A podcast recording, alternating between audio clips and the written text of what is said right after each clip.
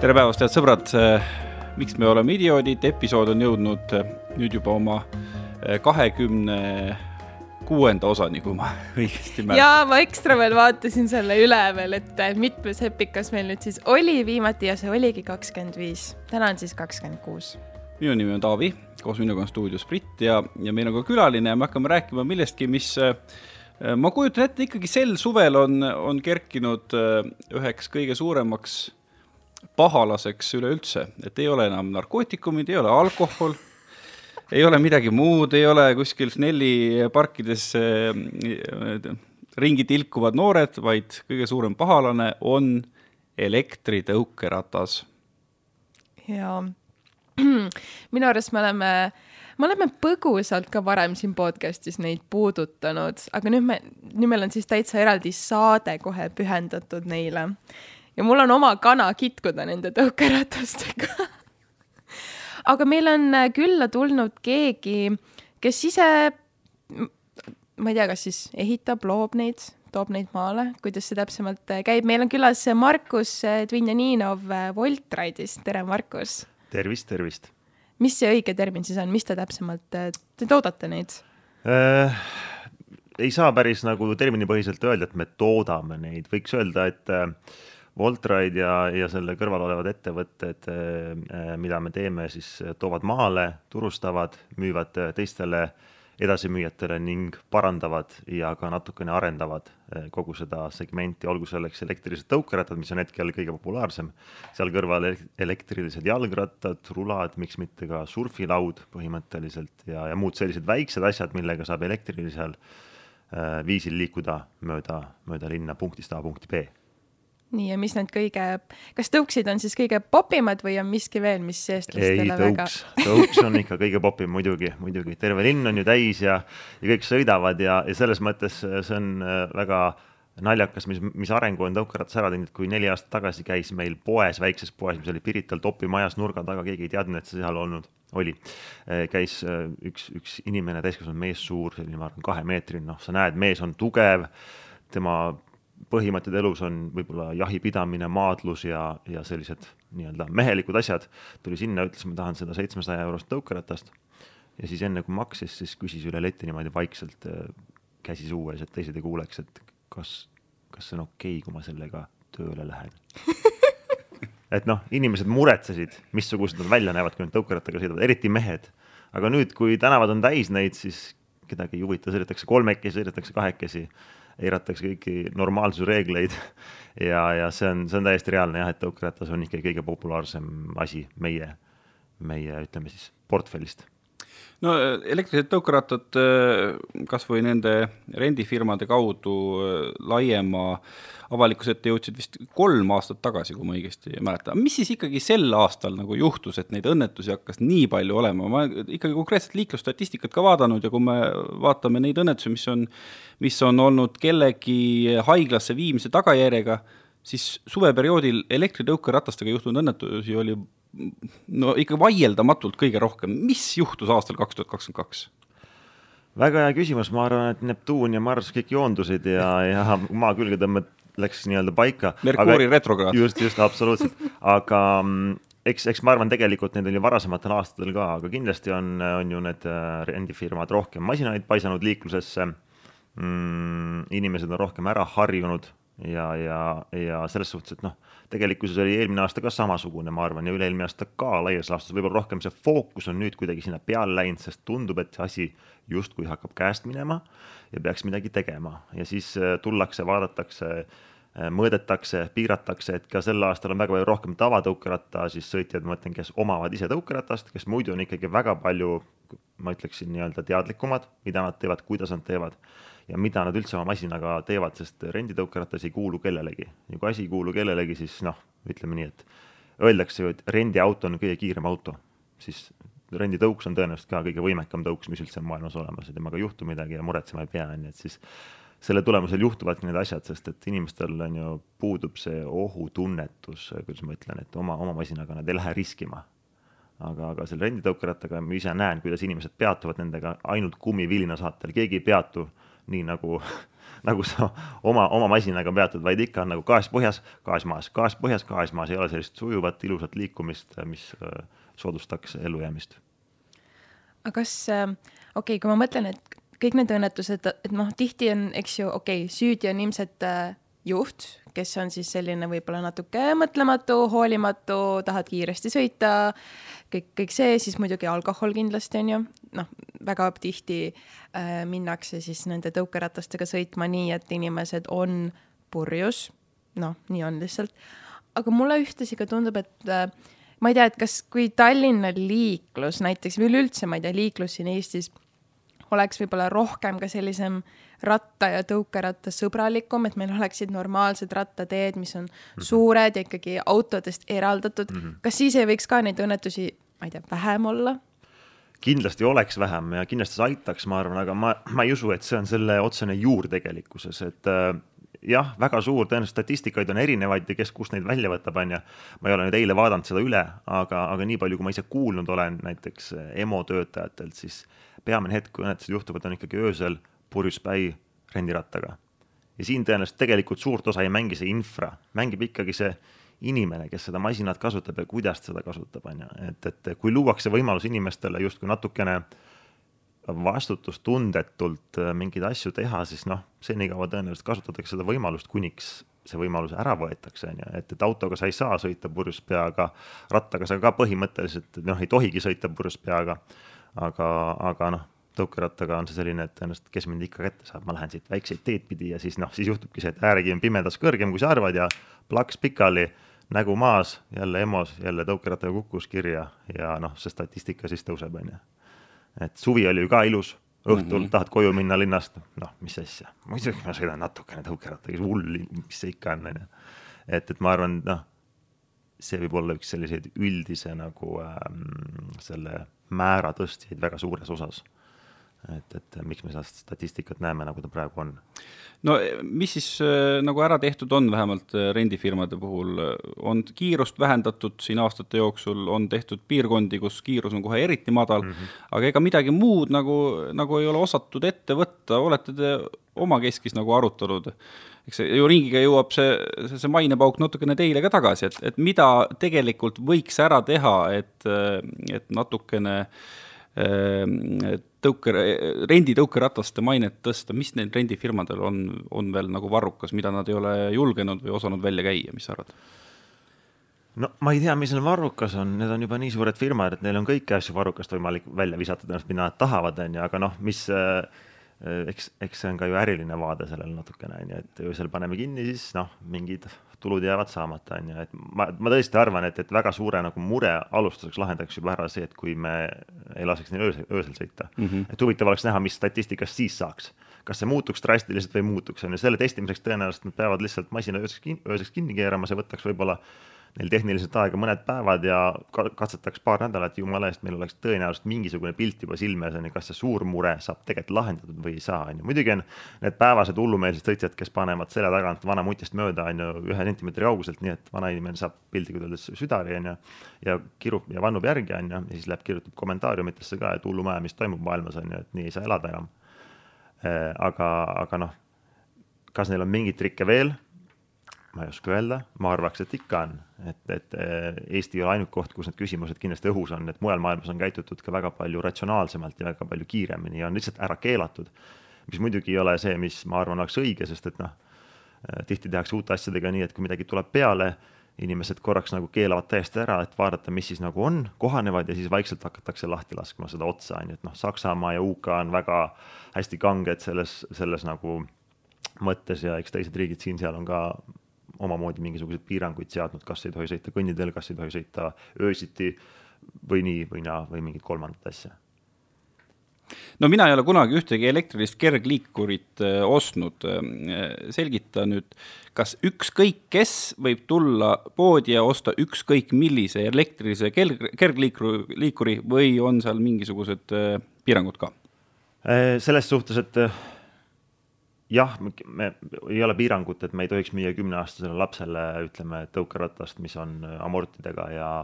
ja, ja suudab sõita näiteks maastikul. et mm, -hmm. et sellist piirangut tõesti ei ole, et küll peab laps alla neljateistaastane kandma kiivrit, mis on ainukene nõue silt nii-öelda siis põhimõtteliselt öeldes aga muud sellist äh, otsest piirangut ei ole, noh, piirangud on muidugi need, et, et masin ei tohi sõita kiiremini kakskümmend viis kilomeetrit tunnis ning ta ei tohi olla võimsam kui tuhat vatti. Et see piirang on nendel masinatel juba peal nii-öelda eos, et, et keegi ei saa neid poest võttes nii-öelda äh, nendega kiiremini sõita või sealt äh, rohkem seda jõudu kätte. et see on nagu piirang, mis on kõigile, olenemata sellest, kes sa oled, kust sa tuled, kui vana sa oled äh,. aga muus osas nagu on see ikkagi jah, et sa võid anda oma kuueaastasele poisile raha ja öelda, et mine võta endale masin ja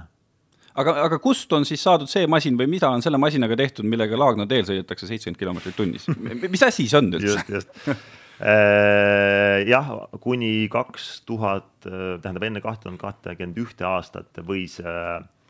sai osta äh, täiesti legaalselt, polnud ühtegi nii-öelda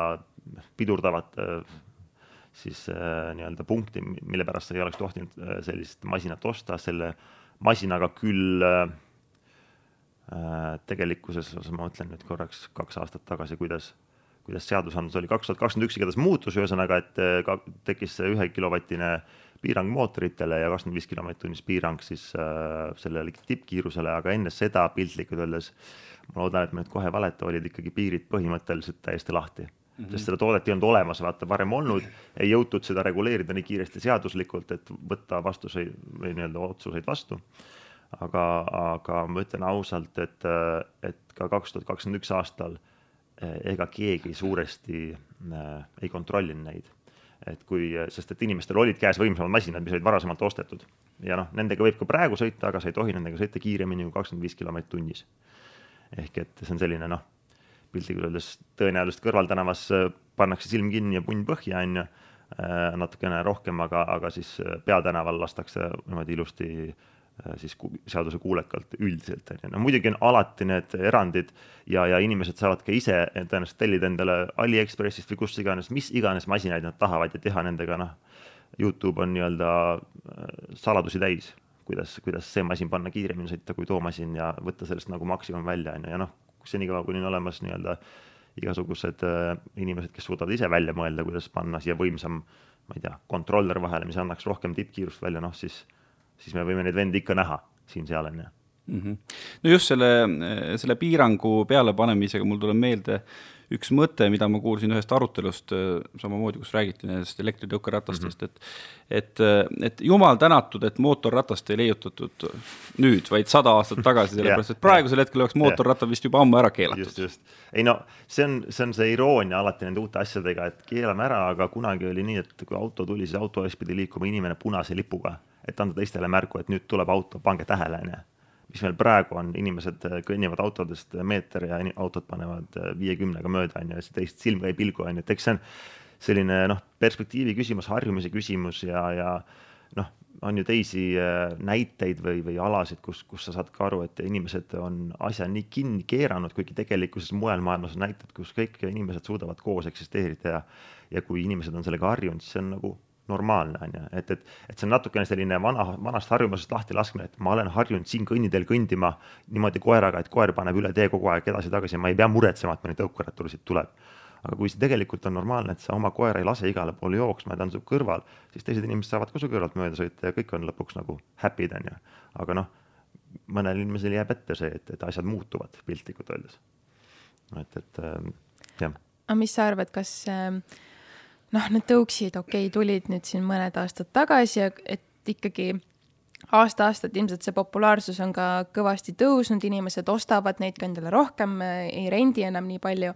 aga ma ei tea, mis sa arvad, et noh, lähi, ma ei tea, tulevikus, et kas ongi, et kas tõukeratastest saab samamoodi meie liikluskultuuri mingi täiesti sihuke normaalne osa, noh nagu need mootorrattad on ju, või ühel hetkel ka see haip siis läheb üle lihtsalt? Jah, sedasama Haibi küsimust on juba neli aastat tagasi küsitud, et huvitav, kuhu see kõik areneb, et aga noh, ma arvan, et see on tegelikult tulnud, et jääda. et lihtsalt ta on nii lihtne ja mugav asi, mida kasutada, tal ei ole mingit pikka õppimis nii-öelda kurvi, astud peale, annad gaasi, sõidad, ei higiseks ennast. Ja, ja ma arvan, et lihtsalt nüüd vaikselt see, see nii-öelda siis, kuidas ma ütlen, piiramine leiab oma sellise positsiooni, kus on võib-olla kõik pooled happy'd ja, ja ma arvan, et, et see nagu asi ära ei kao, et ma leian, et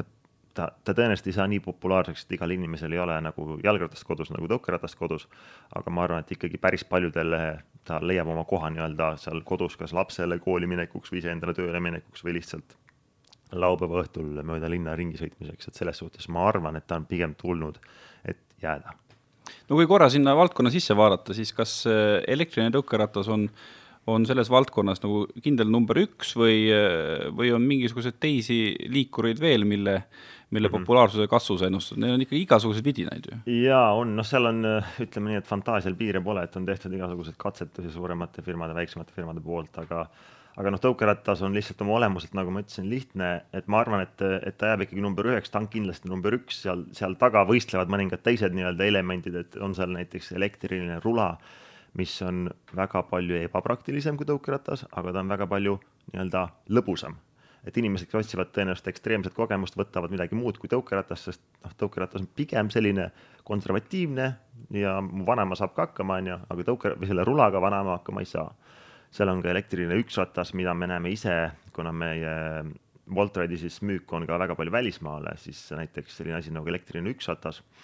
on selline nagu tõusev, kuidas ma ütlen, trend aga see on trend üle Euroopa, et ta on ikkagi nišitoode, sest et ta nõuab väga või noh, kordades pikemat õppimist kui see tõukeratas. aga kui sa selle masina ükskord selgeks saad, siis see on, ütleme nii, et viis korda praktilisem kui tõukeratas. lihtsalt teda ei ole nii lihtne õppida ja ta paistab kõrvalt välja. tõenäoliselt praegu keegi ringi sõidab, siis enamus vaatab, et mis tsirkuse vend see siin ringi paneb sellise üksratta peal ettepoole kaldu nagu Michael Jackson videos, et, et. Äh, mida sa mõtled sellele, et on praktiline, et lihtsalt on lihtsam nagu kaasa võtta või? on lihtsam kaasa võtta, ta on iseenesest väiksem ta suudab endas pakkida väga palju rohkem akut ehk sõiduulatust, mis on tegelikult nende masinate nagu põhiline asi, et kui kaugele ma saan sõita, kuna ma pean laadima, kas ma jõuan kohale, ei jõua kohale. ja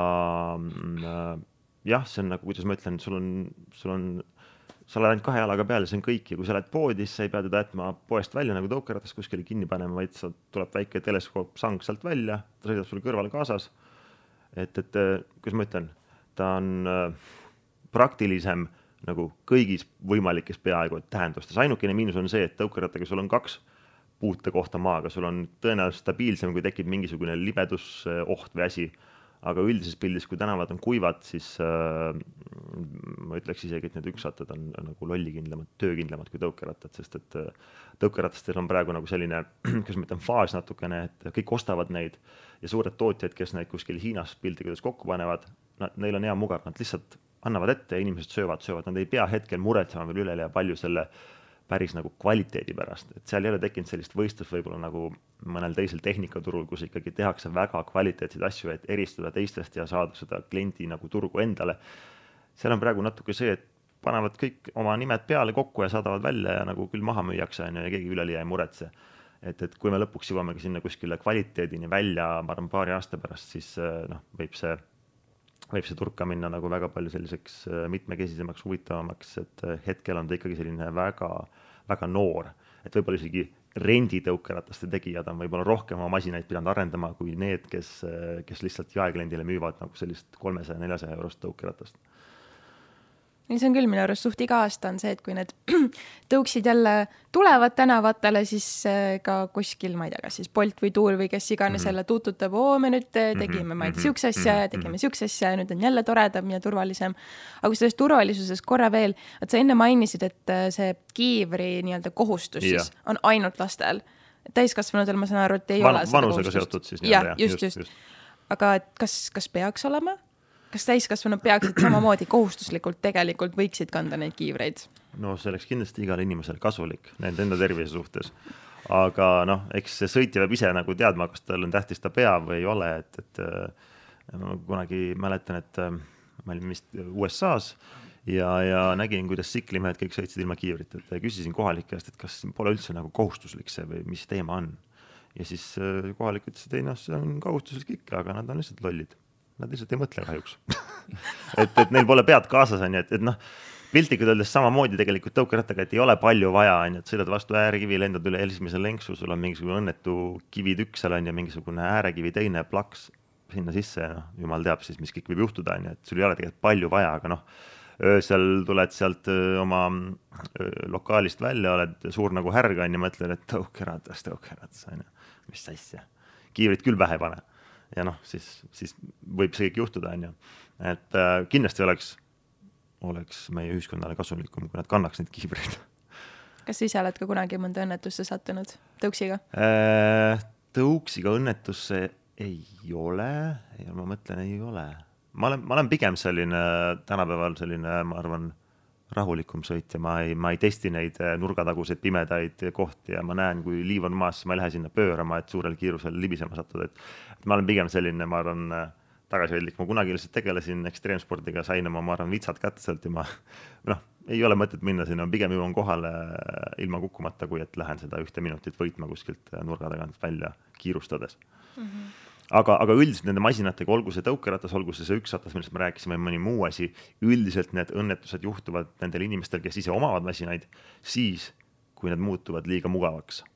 Ja nad noh, ei tunneta enam seda piiri, et selle üksattaga on väga hea algus, inimesed ei oska sõita, nad sõidavad hästi aeglaselt, nii-öelda putitavad koha peal, aga kohe, kui neil tekib väike selline mugavus, et ah ma lähen siit, siis keeran, ma juba tean, on ju siis tavaliselt nad unustavad, nad ei, ei, ei ole piisavalt valvel ja noh, siis hakkavad nagu asjad juhtuma, et samamoodi on nende renditõukeratastega, et inimestel puudub seal ohutaju, on ju.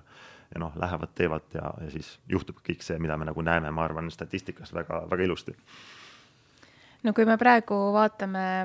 täna on selline vihmane, kole, sihuke külm ilm. tõenäosus, et äh, täna tohutult linnas, ma ei tea, poltijaid, tuuletajaid, üldse tõuksijaid näeb, on päris väike mm. -hmm. mulle tundub, et Eestis üleüldse vaata see tõuksi, tõuksiga sõitmise aeg on nii lühike noh, praktiliselt sügisel juba tead, pool sügist on juba nagu mhm. pekkis, sest see ilm on nii halb. no talvel sa ei, sa ei sõida üldse sellega, kevadel no nipet-näpet võib-olla ja siis suvel, et ähm, kuidas te selle sügis, talve, kevadise, ma ei tea, müügiperioodi nagu toime tulete? oi, see ongi väga raske kes midagi. ostab ei, see on õige küsimus, et kes ostab ja ega, ega sul ongi väga raske müüa suvel suuski ja talvel tõukerattaid, onju, et see on nagu fakt. ja see on täiesti arusaadav fakt, et ega eriti praeguste energiahindade asjadega keegi ei taha oma raha kuskile kinni panna, et isegi kui sa teed praegu tõenäoliselt väga hea pakkumise kellelegi, et osta mu tõukeratas nüüd ära, siis ta mõtleb tõenäoliselt enne, et okei okay,, mul on veel jaanuar, veebruar detsember, ma ei tea, mis energia teeb, ma ei tea, mis üldse saab, kas ma peaks ostma hoopis toitu või tõukeratast, okei okay,, siis ma pigem ei osta seda, on ju, et, et selles suhtes ja muidu ka talvel ikkagi väga raske on müüa, aga, aga sellepärast me ka arendame oma nii-öelda siis Eestist väljapoole müüki, et just ähm, tabada teisi riike, kus inimesed on rohkem altid sõitma, kasvõi Soome, mis on meie kõrval tegelikult, on väga palju parema infraga, inimesed sõidavad väga palju rohkem rattaga. Ja, ja aga noh, meie, meie jah, selles mõttes üldine sihtmärk on äh, kõik teised Euroopa riigid ja, ja just näiteks nende elektriliste ükssatastega me suudame, ma arvan, tänapäeval juba päris hästi nagu neid, neid huvilisi tabada üle, üle selle kogu, kogu nii-öelda riikide kogu, mis meil siin allpool lõunas on. nii et see infra ikkagi müüki mõjutab mõjutab kui..., mõjutab kindlasti, mõjutab ja absoluutselt, aga, aga mõjutab ka inimeste harjumused, üldiselt need riigid, kus see infra on juba parem, seal on ka inimesed väga palju altimad sõitma ka sellise ilmaga, nagu praegu on, kui vihma sajab ja on võib-olla seitse kraadi väljas. ja ka siis, kui on null kraadi, et lihtsalt noh, lõpuks nagu nad ütlevad, on asi selles varustuses, mis sul seljas on ja harjumises, et, et Eestis sa ei näe, ütleme ülikonnaga tõukerattasõitjaid üle liiga palju.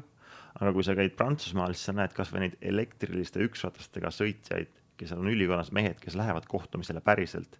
mitte neil ei jää muljet, et kui ma sõidan sellise naljariistaga, siis ma ei saa minna nagu tõsisele kohtumisele, vaid see on normaalne, keegi ei vaata sellele teistmoodi ja see on nagu üks osa kultuurist, et, et lihtsalt nagu see on jälle selle nagu selle tõukeratta näitega, et kui inimene küsis, et kas ta üldse tööle sellega võib minna, on ju, et mis tast arvatakse siis ja visatakse ta ühiskonnast välja ja ta ei saa kunagi enam nagu normaalne inimene olla, on ju, et noh, ta muretses reaalselt selle pärast, aga noh, see on ju lõpuks meie see nagu ma ei tea, meie enda nagu peas see mure, et mis teised arvavad, on ju, et ega tõenäoliselt nad ikkagi sinuga suhtlema ja suhtlemist ei lõpeta, sellepärast et sõidad ükssõttaga näiteks. no kui äh, räägitakse nagu suuremalt strateegiliselt sellest, et me võiksime teatud suurematelt Euroopa linnadelt, kas või siin Tallinnas üle võtta äh, seda mõtteviisi, et vähem autosid ja, ja rohkem äh, kergliiklust. kuidas sulle tundub, et, et kuivõrd reaalne see üldse on, et kui sa tõid ka Prantsusmaa mm -hmm. näite, siis seal ongi võib-olla nädal aega on null ja natukene mm -hmm. tuleb nagu seda mm -hmm seda lund ka, aga meil on selline ilm kolm kuud mm. -hmm. käib oktoobri lõpus ükskord see lumi ära ja siis on see löga sisuliselt nagu märtsi lõpuni yeah. välja, et, et me ei saa autodest loobuda niimoodi Eh, jah, ma, ma tahaks öelda, et eh, kindlasti autol on oma koht, ma üldse ei vaidle selle vastu ja ma arvan, et kui sul on eh, laps või kaks või kolm, siis jah, põhimõtteliselt sa võid ju võtta kastiratta ja teha ka need asjad ära, aga tõenäoliselt, kui sa sõidad väga pikki otsi või pead vedama muid asju, siis ikkagi auto on see kõige nagu realistlikum lahendus on ju. pluss kastirattasse tõenäoliselt sul mingi lumi sajab sisse, ei ole väga tore võib-olla mingit pakiautomaadi karpi tagasi tuua, mis koju jõudes on nagu ligane lögane on ju. aga et autos selles mõttes on kindlasti oma koht olemas lihtsalt, mida inimesed võiks mõelda, on see, et äh, kui palju nad tegelikult siis ähm, noh, kui me räägime päris, päris hooajast, võib-olla mitte talvest, siis kui palju nad tegelikult selle autoga näiteks üksi sõidavad ja kui palju neil tegelikult on midagi rohkem kaasas kui seljakott võib-olla või käekott on ju. Ja, ja noh, eriti praegu, kui tõenäoliselt inimesed rohkem järjest hakkavad arutama, mis, mille peale raha kulub, kui palju kütus maksab, kui paljud liisingud, värgid on, on ju. et lihtsalt see on nii mugavus, äh, noh, auto ongi mugavus tegelikult on ju inimesed äh, kindlasti rohkem järjest teadvustavad seda. aga kui sa küsid nüüd, et, äh, et kui meil on selline ilm, siis mida me nagu teha saame, on ju, siis jah, ilm on tõesti küllaltki halb meil. aga noh, Soome on kaheksakümmend kilomeetrit äh, piltlikult öeldes ja, ja võib, võib-olla seal võib öelda, et seal on vähem seda löga, sest tal on gramm külmem, on ju, et see ei, ei sula niimoodi, ei teki sellist ligab-löga ja, ja muda. et, et aga noh ähm, ma arvan, et noh, kindlasti saaks. seal on teistmoodi, ühesõnaga, seal on natuke parem natukene ma ei tahaks üleliia utreerida, ma arvan, infra on kindlasti jah, parem ja, ja väidetavalt soomlased ei, ei soola oma teid, mis ei tekita seda pudru ja löga, vaid nad lihtsalt, kas lumi on maas või lund ei ole maas, et seal on nagu väidetavalt nagu see kuidagi, kuidagi niimoodi suudetud lahendada. aga noh, ega me seda löga vist tõenäoliselt ära ei saa kaotada, et, et ma arvan, et noh, tegelikkuses, kui ma räägin ise, kui palju ma olen erinevatel aastatel saanud sõita nende masinatega, kuniks enam tegelikult sõita ei saa ja kuniks sõita ei saa all, ma mõtlengi seda, et kui lumi on kergeliiklustee peal maas või seal on jää, siis ma ei lähe enam välja piltlikult öeldes. Et siis noh, kaks aastat tagasi ma sõitsin kindlasti, ma mäletan täpselt esimese jaanuarini eelmine aasta ma täpselt ei mäleta, võib-olla tuli varem lumi maha, aga sisuliselt noh, kui sa oled nõus sellega, et, et et sa paned äh, kindad kätepaksud ja, ja lihtsalt soojama parkajope, mis võib-olla tuult läbi ei lase, siis linnas sees noh, otseselt ei ole nagu tegelikult nii suurt küsimust, et ma saan ainult kolm kuud sõita. et, et muidugi inimesed tahaks sõita lühikeste pükste ja, ja pusaga maksimaalselt, on ju, aga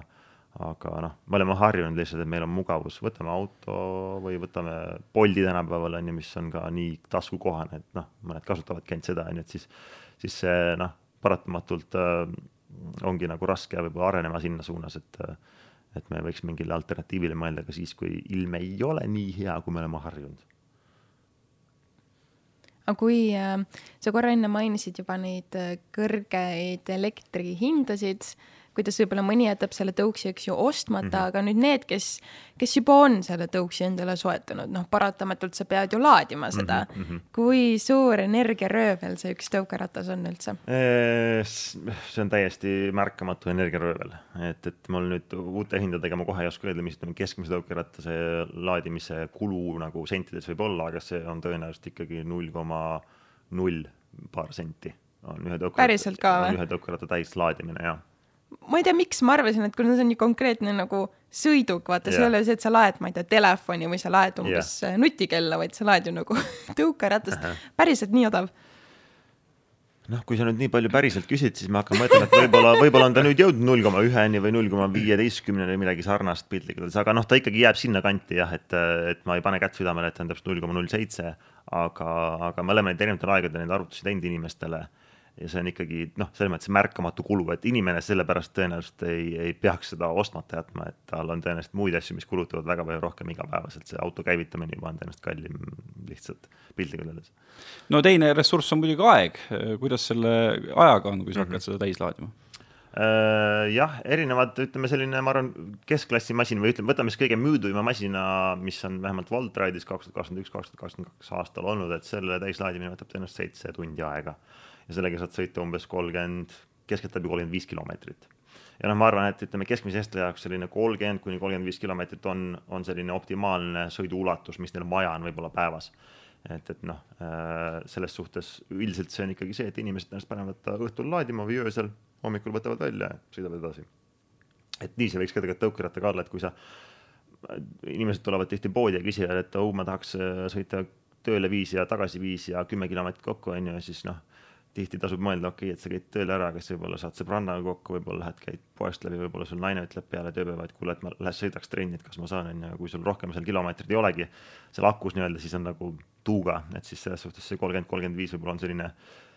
keskeltläbi võiks toimida nagu enamusele, et ähm, aga laadimisaeg pigem ei ole nagu probleemiks, et äh, kui sa mainid aega, siis võib-olla võib mõelda sellele, et kui palju aega sa kulutad autoga sõites ja kui palju aega sa võiksid kulutada tõukerattaga sõites, on ju. et ma ise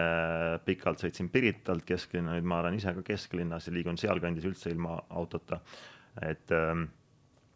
et äh, kui on ikkagi ummikud, siis sa kergliikuriga üldiselt ikkagi noh, võidad selle asja ära tõenäoliselt jah, kui sul on pikad sirged, Pirita sirged või mingid Järvevana tee sirged, siis autoga sa lihtsalt oled kiirem paratamatult aga üks asi on aeg, aga teine nagu minu jaoks isegi nagu suurem väärtus on selle juures see, et kui ilm on ilus, nagu peaaegu täna. ja, ja, ja, ja, ja sa oled olnud pikalt kontoris istunud, on ju, arvuti taga nagu keskmine inimene tõenäoliselt pigem istub ja on arvutis. siis, kui sa oled istunud autosse ja sõidad veel pool tundi, istud ummikus ja tiksud seal on klõpsid raadiojaamasid ja, ja mõtled, et oh, ma nüüd pean lapsele järgi minema seal ja peale viisteist minutit ootan seal, siis ootan seal on ju öeldes, et siis tõukerattaga on see erisus lihtsalt, et sa saad kuidas ma ütlen, olla vabas õhus ja see on nagu kuidagi vähemalt minu jaoks mõjunud hästi palju nagu värskendavalt peale tööpäeva, et kui sul on kasvõi raske päev, pikk päev, väsitav, siis, siis no, eriti ilusa ilma kohal, puhul nii-öelda see, see emotsioon on nagu väga palju mõnusam kui see autos tiksumine. tõenäoliselt, kui autot pole kunagi varem olnud ja esimest korda autoga sõita, on väga tore autoga sõita, on ju, kui sa oled juba seda paar aastat kasutanud, siis on nagu selline, et noh, et jälle ma istun siin ja nüüd jälle, jälle siin läheb pool tundi kindlasti, et noh, davai, et siis seda täna ei tee et, et lihtsalt tõukerattaga kogu aeg sõidad, sul ei teki seda hetke, et kas ma nüüd ootasin või ei oodanud, et see, ma arvan, see mingi emotsionaalne vähemalt selline laeng, mis inimene võiks sealt saada, on ka nagu täitsa nagu arvestataval kohal, ma arvan, selle oma olemusel. kui äh, võtta nüüd lihtsalt korraks võrdleks äh, nii-öelda, kui ma nüüd ostan selle tõukeratta endale, et ta on mu eratõukeratas või ma rendin mis on kummagi, ma ei tea, plussid, miinused, miks ma näiteks, ma ei tea, võiksin mm -hmm. eelistada a la Bolti või tuulega mm -hmm. sõitmist või miks ma võiksin eelistada seda, et ma ostan endale enda isikliku tõukeratta? jaa, et äh, renditõukeratta kasuks räägib kindlasti see, et, et sa ei pea ise seda kulu kandma kohe. Saad kasutada teda siis, kui sul vaja on, ta ei ole sul kodus, sa ei pea teda laadima, kõik tehakse sinu eest ette-taha ära. aga sul on üks äh, miinus, mis on näiteks see, et sa kunagi ei tea, kas ta on sul olemas et sa võid hommikul, eelmine õhtu mõelda, et okei okay,, mul üldiselt maja ees on tõuks olemas, ma saan homme sõita kella üheksaks kohtumisele, et davai, et ärkan kaheksa kümme siis vaatan, kas on ja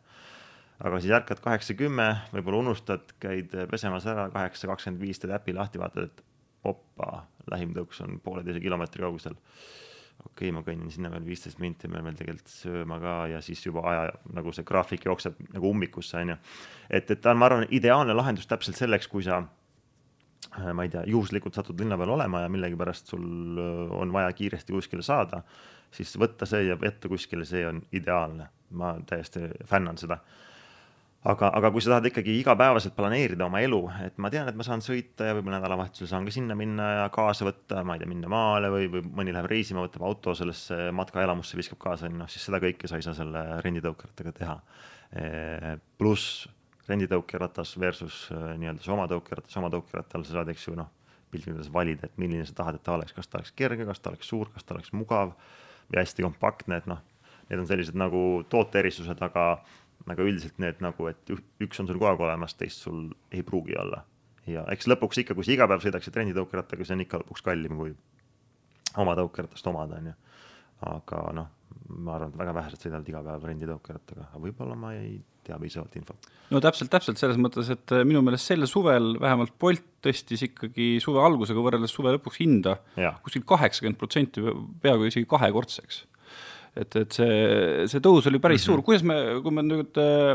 vaatame tõukerataste müüki, kuidas need hinnad on nagu muutunud? Äh, ja ma tahaks ka öelda et, et kaheksakümmend protsenti on tõusnud ja kõik ostavad sama rõõmsalt, aga kahjuks seda öelda ei saa, et, et nagu vist natukene sellises äh, majandus, majandus, kuidas ma ütlen,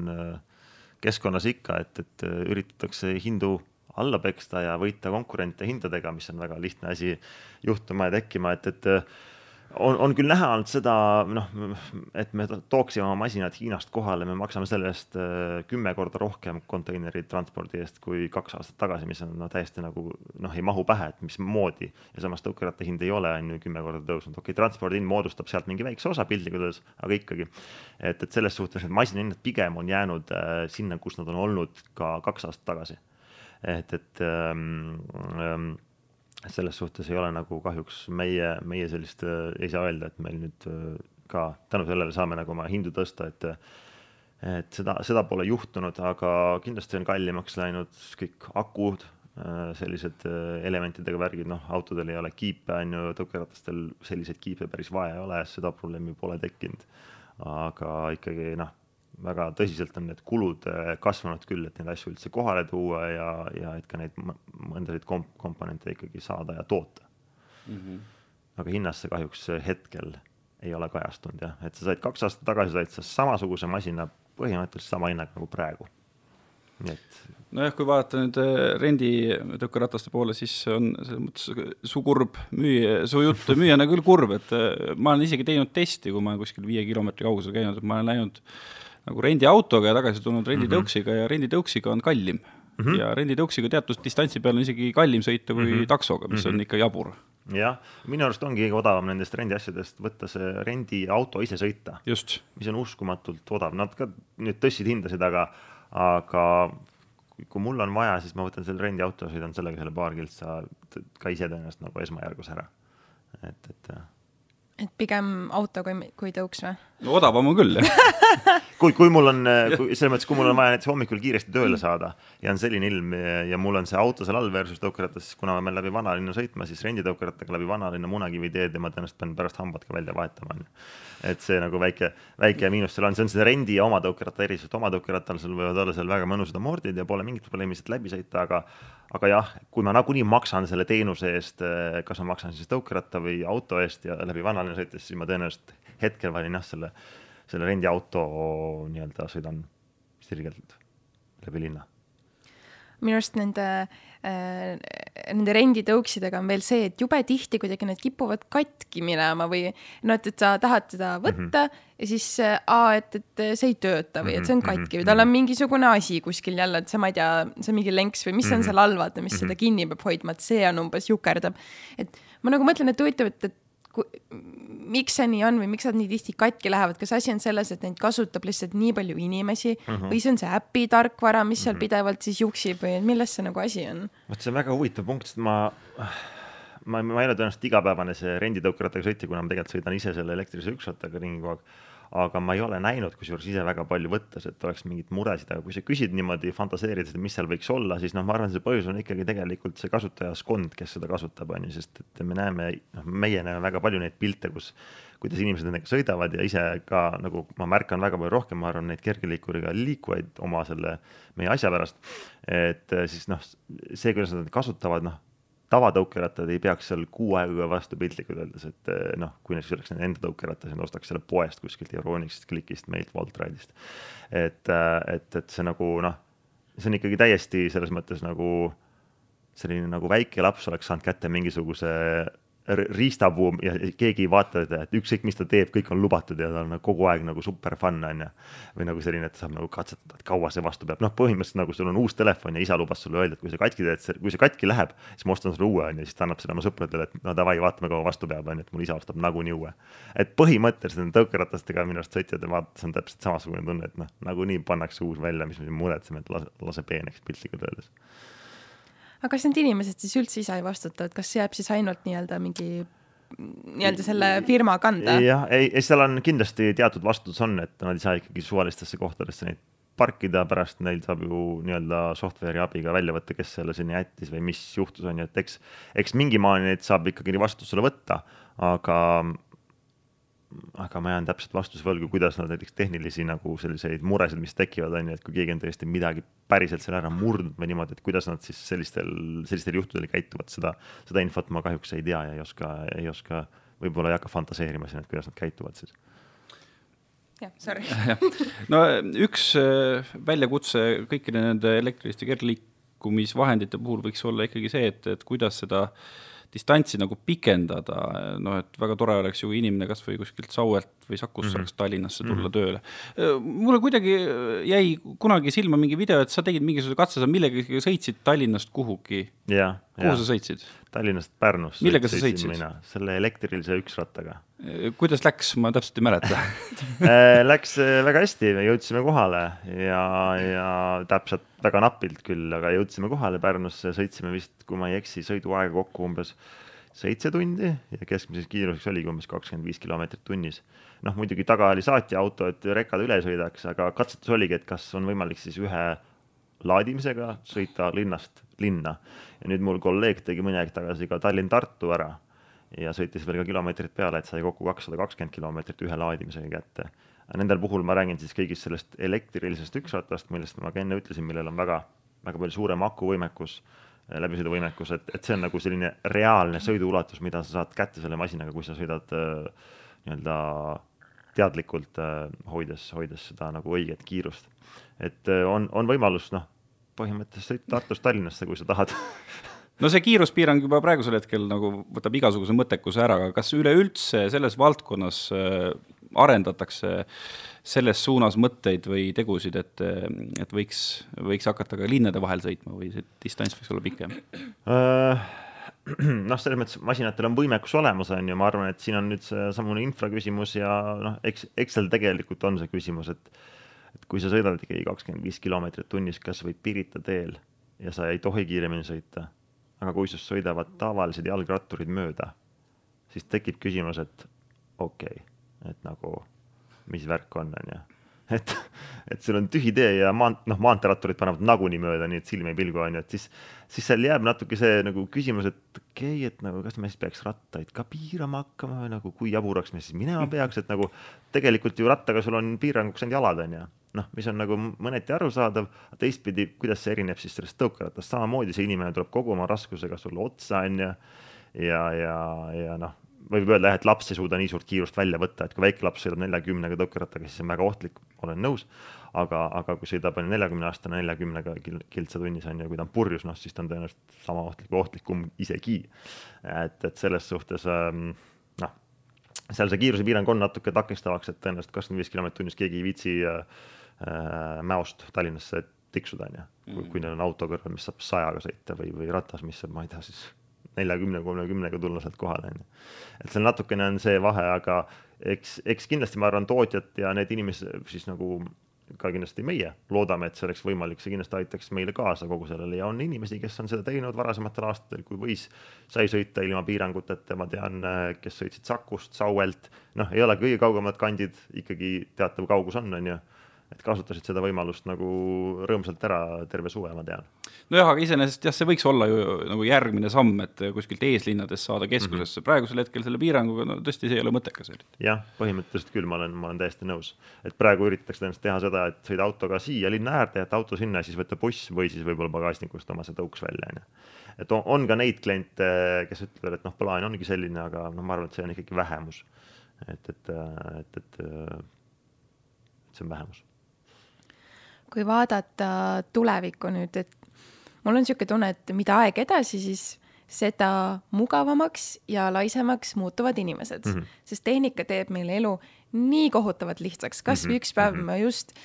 arutasin, kuidas ähm, vaata vanasti, kui sa läksid a la autoga kuhugi Eesti peale sõitma või siis kõigil olid need suured, need kaardiatlased yeah., vaata alati yeah. autos on ju, et kõik siis mm -hmm. orienteerusid nende järgi. nüüd on see, et lükkad selle kepsu sisse mm, -hmm. lihtsalt sõidad, paned Waze'i ka tööle, jumala easy aga mis siis, mis siis saaks, kui neid ei oleks, on ju, jumala pekkis oleks, ei oskagi enam mhm, liigelda mm. -hmm. nüüd elektritõukeratastega seoses, kas ei ole näiteks see oht, et inimesed muutuvad veel laisemaks mm, -hmm. kui nad praegu on, sest inimesed lihtsalt ei viitsi enam isegi väikest vahemaad kõndida mm. -hmm kohe jälle võetakse, ah, ma võtan tead selle tõuksi mm, -hmm. sõidan sinna tead minutiga kohale, aga tegelikult kui ta võib-olla, ma ei tea, kõnniks viis, ma ei tea, kümme yeah. minutit on ju. see liikumisaktiivsus jääb nii see, väheseks. see on väga hea küsimus ja me oleme ise ka neid teemasid üritanud läbi erinevate videote sotsiaalmeedias puudutada ja püstitada ja inimeste vastuseid saada ja see on õige küsimus iseenesest, aga minu arust on tegelikkuses see vastus nagu, kuidas ma ütlen, natukene selline pöörd, pöördvõrdeline siin, et need inimesed mm, ei kõnni, kes sõidaks tõukerattaga. Need, kes kõnnivad, need kõnnivad nagunii. eesmärk oleks saada need inimesed, kes sõidavad kogu aeg autoga, ka selle kilomeetri sealt autost natukenegi välja ära et nad nüüd kasvõi sõidaks tõukerattaga, nad ei pea kohe kõndima hakkama, nad ei pea muretsema, et nad ajavad higiseks. tehku see väike samm, et mingu nagu gramm lihtsama asja peale ja siis võib-olla lõpuks selle kõndimise peale, onju, et, et tihti need inimesed hakkavad kohe võrdlema, et oi, siis ei liigu enam mitte keegi hullumaja, kui me sõidame kõik tõukeratastega, onju. aga kuulge, et te sõidate kõik autoga, kas see on kuidagi nagu parem nüüd või? et noh, tegelikkuses on minu arust reaalsus see, et, et me, me ei kõnni, me sõidame autodega. Ja me ei võitle tegelikult kõndimise vastu, vaid me üritame neid autosid natukene vähemaks saada ja me ei üldse imesta, kui loogika oleks ka ju niipidi, et inimene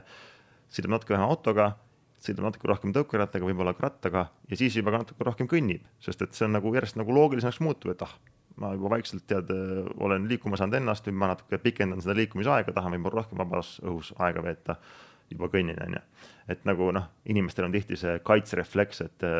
et hullumaja, et nüüd lähevad kõik paksuks ja tekib nagu üle, üle rasvumine on ju ja midagi sellist. aga noh, ma arvan, et need, kes on rasvunud, nagunii on autos nad ei, nad ei, nad ei kõnni praegu piltlikult öeldes. ma arvan ka, et siin on ikkagi pigem mingid muud süüdlased kui elektritõukeratta. et eks ta, eks ta kindlasti mõnda inimest nagu teeb mugavamaks, on ju, võib-olla kellelgi tuleb mõni lisa, lisakaal, aga üldpildis ma arvan, kogu linna elu ja see nagu olemus ikkagi noh, lihtsalt kahetonnise tükiga ringi sõita üksinda autos terve päev, noh, liiga palju detailidesse ei lasku, mis kõik veel seal on, et siis noh, ma ei tea, kui kui lõpuks nagu tark see on, kui sus mingisugused distantsid on võib-olla kaks, kolm, neli kilomeetrit on ju, ja, ja päike paistab väljas ja on viisteist kraadi nagu näiteks. kui sa vaatad Wolt Ride'i kliendibaasi, et kas teil ongi siis siuksed ikkagi pigem atleetlikud äh, noored tervislikud inimesed või kes on need inimesed, kes neid tõukse ostavad? täiesti lapsest kuni, kuni vanaemani kes, kes, kes tahab kooli minna, kes tööle minna, kes tahab lihtsalt äh, vähendada oma jalavaeva ja ei, ei jõua enam kõndida näiteks, ei jõua rattaga sõita ja soovib nagu noh, siis tõesti ikkagi veel minna turule. aga, aga et selles suhtes noh, kindlasti on see pigem meeste poole kaldu, et, et see on üks asi, mida võin kohe kindlasti öelda, aga, aga sealt edasi on väga raske öelda, et mis on nüüd kõige, kõige tõsisem segment, kes neid ostab või vanuse mõttes või niimoodi, et eks tal peab olema see ostujõud, kui laps tahab, siis ta peab suutma vanema ära rääkida, on ju. Aga, aga muus osas on ikkagi noh, ta ei ole, ta ei ole nišitoode, ta on kõigile. Ja, ja ka seepärast põhimõtteliselt võib sisse astuda ükskõik kes ja sa ei saa kunagi alahinnata, et meil on, meil on olnud äh, seitsmekümne viie aastaseid mehi, kes tulevad ja ütlevad, tahavad elektrilise üksattaga sõitma hakata, on ju, see on muidugi väga erakordne juhus, aga on olnud. Jah, on ka olnud, on ju seitsmekümne aastaseid äh, tädisid, kes tahavad tõukeratast osta, on ju, et, et noh, kõike, kõike on Äh, kuidas sina äh, omal ajal nägid ette seda või, või said aru, et see on see valdkond, kuhu tasuks panustada ja kuhu tasuks siseneda? mis iromants äh, olid? no see, see, kuidas ma ütlen, ma arvan, et see oli meil selline mm, natuke tead kokkusattumused ja, ja sest kunagi see asi, mida me nüüd ajame, algas üldse sellistest imelikest ja naljakatest asjadest nagu tasakaaluliikurid, hoverboard'id, mis olid lihtsalt laste mänguasjad ja, ja seal kõrval olid mingisugused tõukerattad ka, mingid mõned väiksed junnid-plunnid ja üldse nagu ma, ma mäletan seda algusaega kaks tuhat kuusteist, seitseteist, et noh, nad olid nagu justkui seal kõrval olemas ja paar ka elektrirula, mingit laadset toodet. Need olid meil nagu siis piltlikult lihtsalt võetud, et noh, vaatame, mis siis juhtub, aga siis äh, ma mäletan, et äh, USA-s on äh, ju, kus esimesena tulid need äh, vist Birdi või ma ei mäleta kelle elektrilised renditõukerattad välja ja, ja hakkasid seal nagu vaikseid laineid tegema, et siis äh, kuidagi see noh, kuna me juba tegelikult suhtlesime oma tootjatega Hiinas, siis seal see, nemad juba tootsid neid ja, ja eks need hakati järjest rohkem pakkuma, pakkuma, pakkuma. Ega alguses keegi neid Eestis ei osanud osta ja me ise ei osanud ka nendega piltlikult öeldes sõita või neid väärtustada, aga, aga nad olid ka nii alguses, et seal ei olnud nagu seda väärtust veel olemas, et sa pidid kas väga kaua laadima või ta oli liiga kobakas või ta lihtsalt nägi väga kole välja, et keegi polnud disaininud sinna midagi, sa ei tahtnudki sõita. et see see oli, ma arvan, täiesti selline ähm, Neptuuni ja Saturni kokkuliikumine ja, ja tundus, et nüüd maa külgetõmbejõud hakkab olema ja peaks, peaks äkki, äkki proovima. et, et see oli selline, ma arvan, et head kokkusattumused ja, ja, ja siis võib-olla julgus proovida, et, et vaatame, mis, mis, mis sellega toimub. aga nüüd on need tasakaaluliikurid nagu ära kadunud natuke või? ja, ja need on on pigem minevik, on, on mõningad järellainetused, näiteks kui väga huvitav oli, et kui koroona hakkas, siis tegelikult juba oli see aasta enne koroonat juba nagu läbi justkui saanud aga eks ikka laovarud kuskil olid meil ja jäidki mõnel teisel. ja, ja koroona hakkas, siis oli väga hästi näha, et tõenäoliselt kõik olid kodus, lapsed olid kodus ja vanemad ei jaksanud ära kuulata seda mangumist enam, et lastel pole midagi teha ja tahaks tasakaaluliikurit, mida ikka mul ei ole, aga sõpradel on. ja siis oli väike selline tõus veel selles, kus siis ikkagi mõned lapsed said oma unistused ennast täidetud sest hinnad olid ka juba nii palju soodsamad ja mõistlikumad, ütleme, et ei pidanud vanem enam nii palju mõtlema, et kas ostan või ei osta, ostan ära suva vaikus majas, saab tööd teha natuke kodus jälle, onju. et aga muidu küll jah, see on pigem selline ja noh, ta ei ole ka meie enam selline suund üldse, et meie praegune ikkagi peamine suund on see, et et äh, leida võimalikult praktilisi liikumisviise, et oleks nagu see praktiline väärtus sellele asjale, et see hoverboard oli ainukene võib-olla selline mänguasi, mis meil kunagi on olnud, ülejäänud on ikkagi okei okay,, jah, võib-olla selline elektrirula on ka selline fun element väga suur, aga ta ikkagi suudab sind ka punktist A punkti B viia, kui sa tahad. aga see hoverboard'iga ikkagi põhimõtteliselt koha peal teed ringe ja sõidad äh, sõpradega tõenäoliselt aias natuke ringi ja see on kõik, et sa ei lähe sellega poodi ja tagasi väga räägime korra lõpetuseks natuke ka sinust, et see on tegelikult hästi huvitav, et sa praegu selle Wolt Ride'i ja kõikide nende elektrikergliikuritega tegeled, sest enne seda olid sa ju tegelikult samas valdkonnas, kus on sinu isa. Jah, jah, ma olin, äh, ma olen elukutselt üldse näitleja tegelikult, et ärge ühtegi sõna usaldage, mida ma siin siiamaani rääkisin. Ma ei tea midagi sellest. aga ei, ma olin tõesti Vanemuises kaks aastat ja siis tulin tagasi Tallinna, kuna mul oli elukaaslane siin ja, ja ma ise tahtsin natukene ka muid asju elus teha või näha, mida veel saab maailmas huvitavat teha. Ja vabakutselisena saab alati justkui tööd teha, kui sa tahad ja ma arvan, et öö, ähm, oled nagu tegus ja hakkaja ja siis kuidagi erinevate asjade kokkusattumisel tõesti äh, jõudsime sellise tegevuseni, mida me siis praegu, millest on välja kasvanud Voltride tegelikult, meil on siin ütleme siis nagu hulgifirma, mis toob asju maale ja Voltride on siis bränd, kes koha peal poe, poena nagu müüb.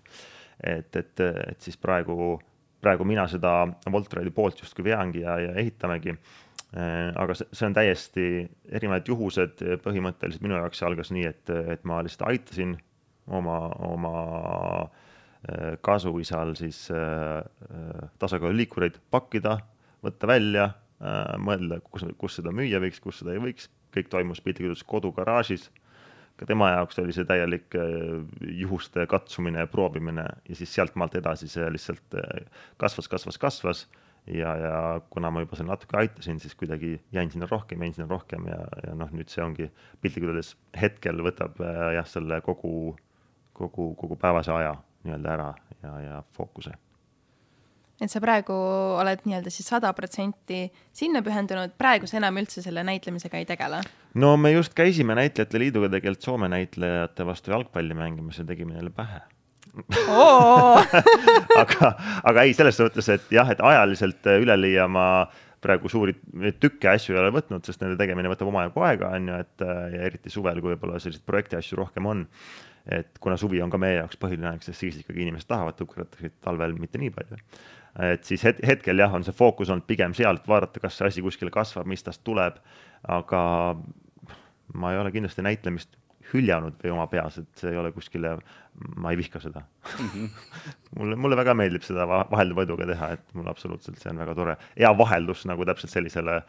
kuidas ma ütlen, mingisugusele arvutis istumisele, et ka korraks minna välja ja natukene heas mõttes äh, nalja teha ja, ja aga no just eh, nimelt vaheldused, kui sa ütlesid ka, et sa oled kaks aastat Vanemuises, olid ikka Riigiteatris ära, repertuaariteatris. kas sa, kas sa siis nagu selle kahe aastaga said aru, et, et, et sinus nagu päris seda soolikat ei ole, et käia neli korda, neli korda nädalas eh, noh, hooaja jooksul ikkagi sama repertuaariga Riigiteatris publiku ees? võib öelda küll jah ja., et, et eh, ma sain aru, et, et ma ei taha minna hommikul ja tulla õhtul sealtsamast majast kogu aeg, ka laupäev ja ka pühapäev piltlikult öeldes, et, et jah, ma sain sellest aru, et, et mulle väga meeldib teha seda, aga mulle meeldib teha, ma arvan, et projekti kaks aastas. Ja ma tean, et ma annan siis sada viiskümmend protsenti nagu piltlikult öeldes sellest, sellest tulest, mis mu seest võib nagu välja tulla, annan nagu sinna ära, et, et jah, sest mulle tundus, et kui kohe, kui ta läheb selliseks noh, nii-öelda tead venitamiseks ja noh teeme ja teeme või mul endal tekkis see tunne, et siis noh, see ei ole võib-olla seda väärt minu puhul, et ma ei suuda siis olla nagu päris nagu see, nagu ma tahaks võib-olla seal olla. et, et ma arvan, et lavale on mõistlik minna siis, kui sa ikkagi päriselt sinna tahad minna, et muidu noh, ega publik ei pruugi aru saada, et, et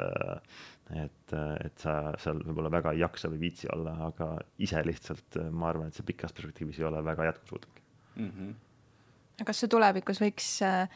ma ei tea, võib, võiks juhtuda, et sa näiteks a la ühel hetkel tunned, et sa ka sellest Wolt Ride'ist mm -hmm. tahad nii-öelda kõrvale astuda mm -hmm. ja siis kas, ma ei tea, naasta näitlemise juurde või teha hoopis midagi muud? absoluutselt, ma ei saaks midagi välistada, sest et ma arvan, et äh, maailmas on ülipalju ülilahedaid asju, mida saaks teha, et äh, kasvõi podcast'e teha, on ju, piltlikult öeldes, et mis selles nagu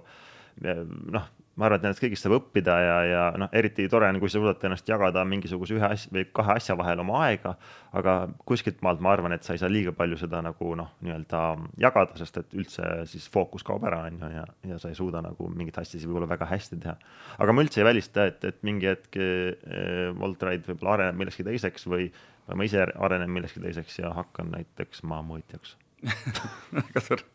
tuleme ringiga alguses juurde tagasi, et me tegime sellise äh, meelevaldse hüpoteesi ikkagi ja tegelikult selle suve põhjal äh, ma arvan, et meie hüpoteesil on mingisugune, mingisugune loogiline põhjendus ka, et elektritõukerataste maine on halb mm. -hmm. lõpetuseks, hea Markus, ütle nüüd, kuidas ja kes saab midagi ära teha, et seda parandada ma, ma arvan, et, et, et, suur nagu köie ots on äh, renditõukerataste käes või nende renditõukerattafirmade käes. et, et, et ikkagi praegune see halb maine peamiselt mulle tundub, tekib ikkagi nendest, sellest statistikast, nendest õnnetustest ja natuke sellisest mõtlematust käitumisest, mis on tingitud võib-olla öisest purjus peaga sõitmisest ja, ja sellisest üleüldse nagu kõigile kättesaadav väga lihtsalt ja, ja ilma igasuguste piiranguteta sest ega keegi seal tegelikult hetkel ei suuda ka piirata seda, et kas su laps sõidab või ei sõida, et, et ja noh, ma arvan, et vanemad annavad ka hea meelega lastel sõita. et siis lihtsalt ma arvan, et nende käes on see suur ots ja, ja nemad võib-olla peaks sellele tõsisemalt nagu otsa vaatama korra. et, et, et see asi nagu toimiks ka pikas perspektiivis, et ma arvan, et nad ei kao kuhugi, ma ei usu, et, et siin pannakse sajaprotsendilist keeldu peale, et, et keegi ei sõida enam siin ringi ja nii on. sest see on juba nii suureks kasvanud et, et, et aga, aga nemad ikkagi valitsevad tänavaid nad on igal pool, need masinad, et, et nagu kui sa, kui sa võrdled, et sa, kui palju sa näed renditõukerattaid ringi sõitmas ja kui palju sa näed tavatõukerattaid endast möödumas, nagu inimesi, kellel on oma tõukerattad, siis ma arvan, et see osakaal on päris tugevasti kaldu sinna rendi poole ja noh, kui saab juba suure protsendi sellest kogu liikumise massist kuidagi nagu loogiliselt paika panna, noh siis ma arvan, et et see ülejäänud osa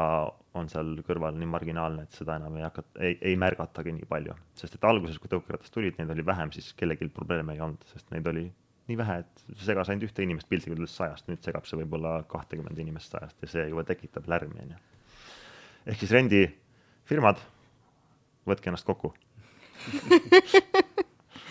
no väga hea, väga hea viis, kuidas podcast'i lõpetada, ma arvan aga suur-suur aitäh sulle, Markus, et sa tulid, et sa rääkisid meiega siin selle tunnikese ja kõigi teiste kuulajatega kohtume uuel nädalal jällegi. loodetavasti siis olete tagasi siin. jah, meie oleme igal juhul tagasi, loodetavasti teie olete ka. aitäh kuulamast, head sõbrad ja, ja kõike paremat. ja tšauki